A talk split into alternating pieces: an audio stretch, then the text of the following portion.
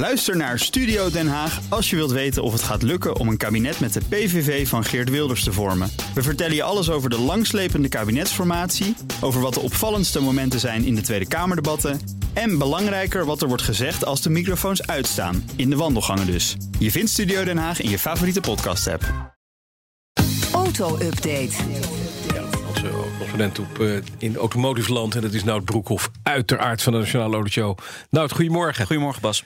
BMW heeft een nieuw dashboard gepresenteerd. Je liet me net een foto zien. Toen dacht ik, de nieuwe Volvo Polestar, Hutsefluts. Want het is een soort Zweeds minimalistisch ding. Ja, het begint heel erg op elkaar te lijken, inderdaad, allemaal. Ja, ja, nee, het wordt uh, onthuld inderdaad op de CES in Las Vegas. Ja, ook wel bekend, denk Ja. ik.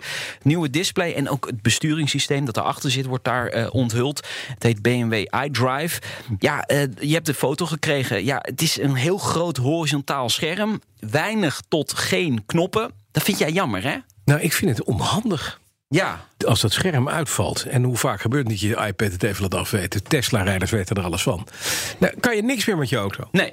Maar achter die, achter die knoppen zit er ook vaak gewoon digitale techniek. Dus dan die knoppen zijn het toch Nou, dat valt wel mee. Er zit gewoon nog een fysieke knop op die, waarmee je een circuitje stuurt. Ja. En dat goed. is er niet als je een scherm hebt. Daar zit natuurlijk een besturingssysteem achter. Ook dat is eh, eh, vernieuwd. Dat is slimmer geworden. Beter ook voor de interactie met bestuurders.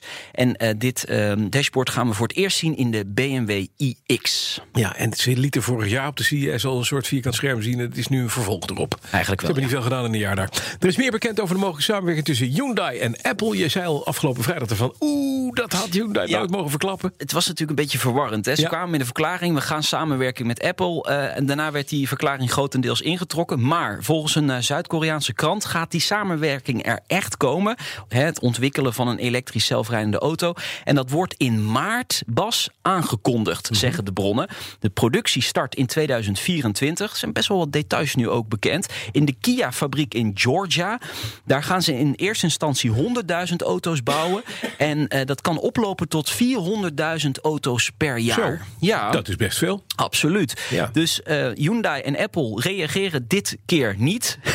Oké, Hyundai had- mond houden. Ja, mond Ja. houden en kijken eh, of dit eh, weer een beetje weg-appt, zullen we maar zeggen. Ja.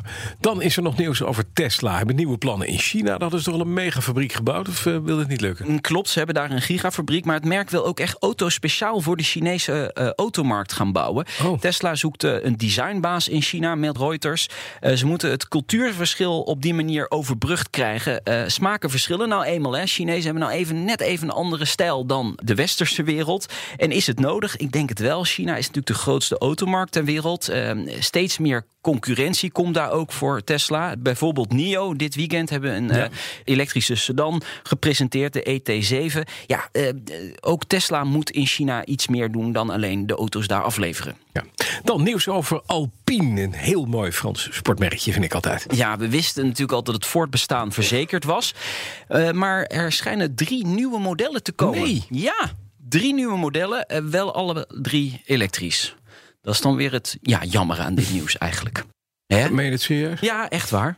En donderdag Oh, horen nee. we daar meer over. In de nieuwe strategie-update van Renault. En Renault gaat schijnbaar ook eh, retro-modellen, de 4 en de 5, Ja. min of meer terugbrengen Als eh, als elektrische auto. Ja. Oké, nu als de wilde naar de, naar de, naar de dealer en daar een, een echte Alpine koopt met een motor erin. Tot slot, Toyota werkt aan een hypercar. Ja, die wordt vrijdag gepresenteerd. Ja. Mhm. No more boring cars, hebben ze bij Toyota gezegd. En ja, dit is het geluid.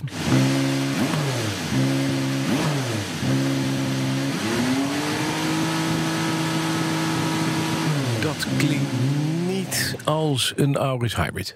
Nee, inderdaad. Nee. Het is een 2,4 liter V6 Ja. hybride met eh, 670 pk. Ah, langer. Ja, leuk toch? Ja, is- Toyota toch weer echt een leuke auto aan het Ik bouwen. vind het toch wel mooi. Die, af, af en toe hebben die Toyota, die, ingenieurs daar, die drinken een, een, een, een slootzak hè, met z'n allen. En dan gaan ze een week opsluiten in de kamer en helemaal gek lachen. Ja, Dan en gebeurt hangt nog een project aan vast, want ze gaan met deze auto op Le Mans rijden. Hè? Ja. Die nieuwe klasse, de hypercar-klasse, Ja. waar Peugeot ook instapt.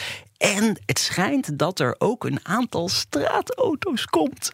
Dus van deze auto. Dat wordt testen geblazen. Dat is nou. leuk, hè? Denk Ja. het ook. Dankjewel. Worden we er blij van. Auto-update kun je terugluisteren via de bekende kanalen. Vergeet je vooral niet te abonneren. De auto-update wordt mede mogelijk gemaakt door Leaseplan. Leaseplan. What's next? Ook Thomas van Zeil vind je in de BNR-app. Je kunt live naar mij luisteren in Zaken doen, de BNR-app met breaking news, het laatste zakelijke nieuws en je vindt er alle BNR-podcasts, bijvoorbeeld Het Nieuwe Geld. Download nu de gratis BNR-app en blijf scherp.